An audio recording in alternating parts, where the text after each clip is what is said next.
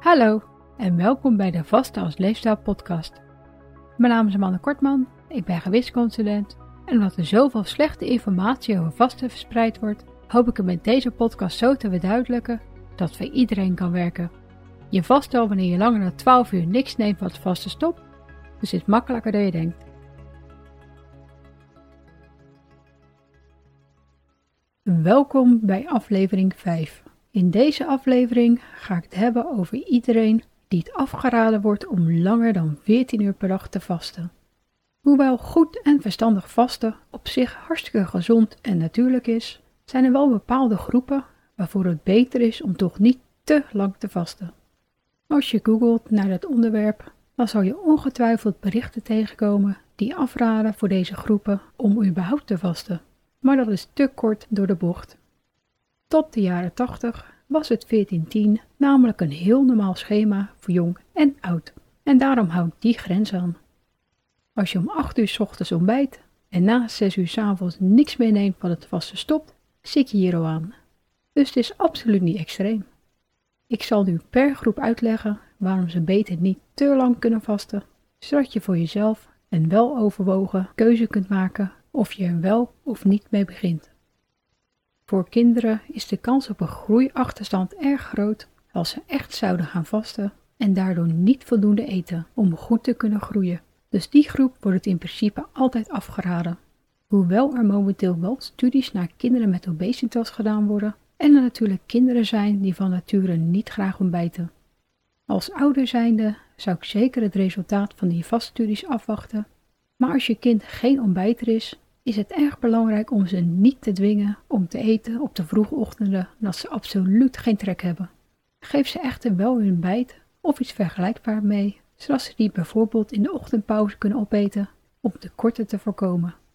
Zodra kinderen uitgegroeid zijn, kunnen ze probleemloos starten met echt vasten, maar wanneer het is, zou ik bij twijfel wel met je arts bespreken. Sommigen zijn namelijk al uitgegroeid rond hun 16e en anderen pas rond hun 24e. De tweede groep wie het afgeraden wordt zijn zwangeren en vrouwen die borstvoeding geven. De kans is groot dat het 1410 al te zwaar is, vooral als je last hebt van misselijkheid. Dus ik zou dan vooral focussen op gezond eten, zodat jij en je baby niks tekort komen. Hiernaast kunnen er tijdens het afvallen schadelijke stoffen vrijkomen en die kan je beter nog even in je vetcellen bewaren. Je kan wel gewoon blijven vasten totdat je zwanger bent en gewoon weer rustig starten nadat je klaar bent met borstvoeding geven. Maar als je twijfelt of bezig bent met een zwangerschapstraject, kan je het natuurlijk altijd bij het 14-10 houden. Voor mensen met ondergewicht is de lang vaste fysiek simpelweg te zwaar. Zelfs als je het alleen voor de gezondheidsvoordelen doet, is de kans namelijk groot dat je nog meer afvalt en als je niet genoeg lichaamsvet hebt, kan vasten ten koste gaan van je spieren. Je lichaam moet de energie tenslotte ergens vandaan halen en bij gebrek aan vetvoorraad zijn er altijd nog de belangrijke spieren die verbruikt kunnen worden en dat wil je natuurlijk voorkomen. Als je een eetstoornis hebt of hebt gehad, moet je natuurlijk ook heel oppassen met vasten. De kans is namelijk groot dat deze nog erger wordt of weer getriggerd wordt. Ik heb succesvolle verhalen gehoord van mensen waar het juist bij hielp, maar ik zou het bij hooguit het 1410 houden als je er alleen aan begint. De laatste groepen die moeten oppassen zijn chronisch zieken en mensen die bezig zijn met zware medische behandelingen. Bespreek dan altijd met je arts of vasten wel geschikt is voor jou en of je er niet te zwak voor bent. Zo kan vasten het effect van chemotherapie versterken bij glucosegevoelige kankersoorten, maar kan het juist averechts werken als het een niet-glucosegevoelige kankersoort is.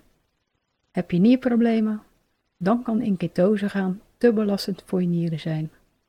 Heb je ongecontroleerde diabetes? Kijk dan heel erg uit voor hypo's en focus eerst op gezonde eten. Zodra je bloedglucosespiegel onder controle is, kan je langer vasten in overleg met je arts, altijd nog voorzichtig proberen op te bouwen, rekening houdende met een lagere dosis insuline of andere medicatie. Slik je medicatie juist voor bijvoorbeeld een hoge bloeddruk of trage schildklier? Houd er dan rekening mee dat deze soms al binnen een paar maanden omlaag kan en overleg met je arts wanneer dit zou kunnen. Ben je gewoon een keertje ziek? Luister dan naar je lichaam en ga eten als je er behoefte aan hebt. Of houd gewoon je schema aan als het vasten net zo makkelijk als normaal gaat.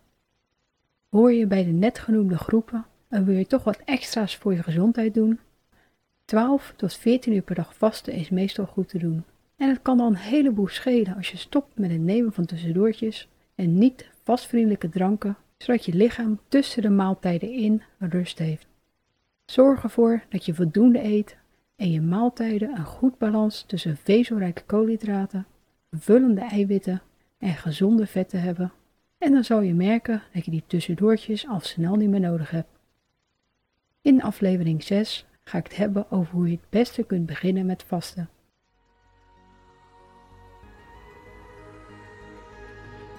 Bedankt voor het luisteren en vergeet niet dat je de onderwerpen en bronnen altijd in de omschrijving van de aflevering kunt vinden. Weet je niet zeker of sommige tips of adviezen ook voor jou geschikt zijn? Bespreek ze dan natuurlijk altijd met je arts. Heb je nog vragen of opmerkingen? Of heb je behoefte aan persoonlijke begeleiding? Kijk dan op valerien.nl voor meer informatie.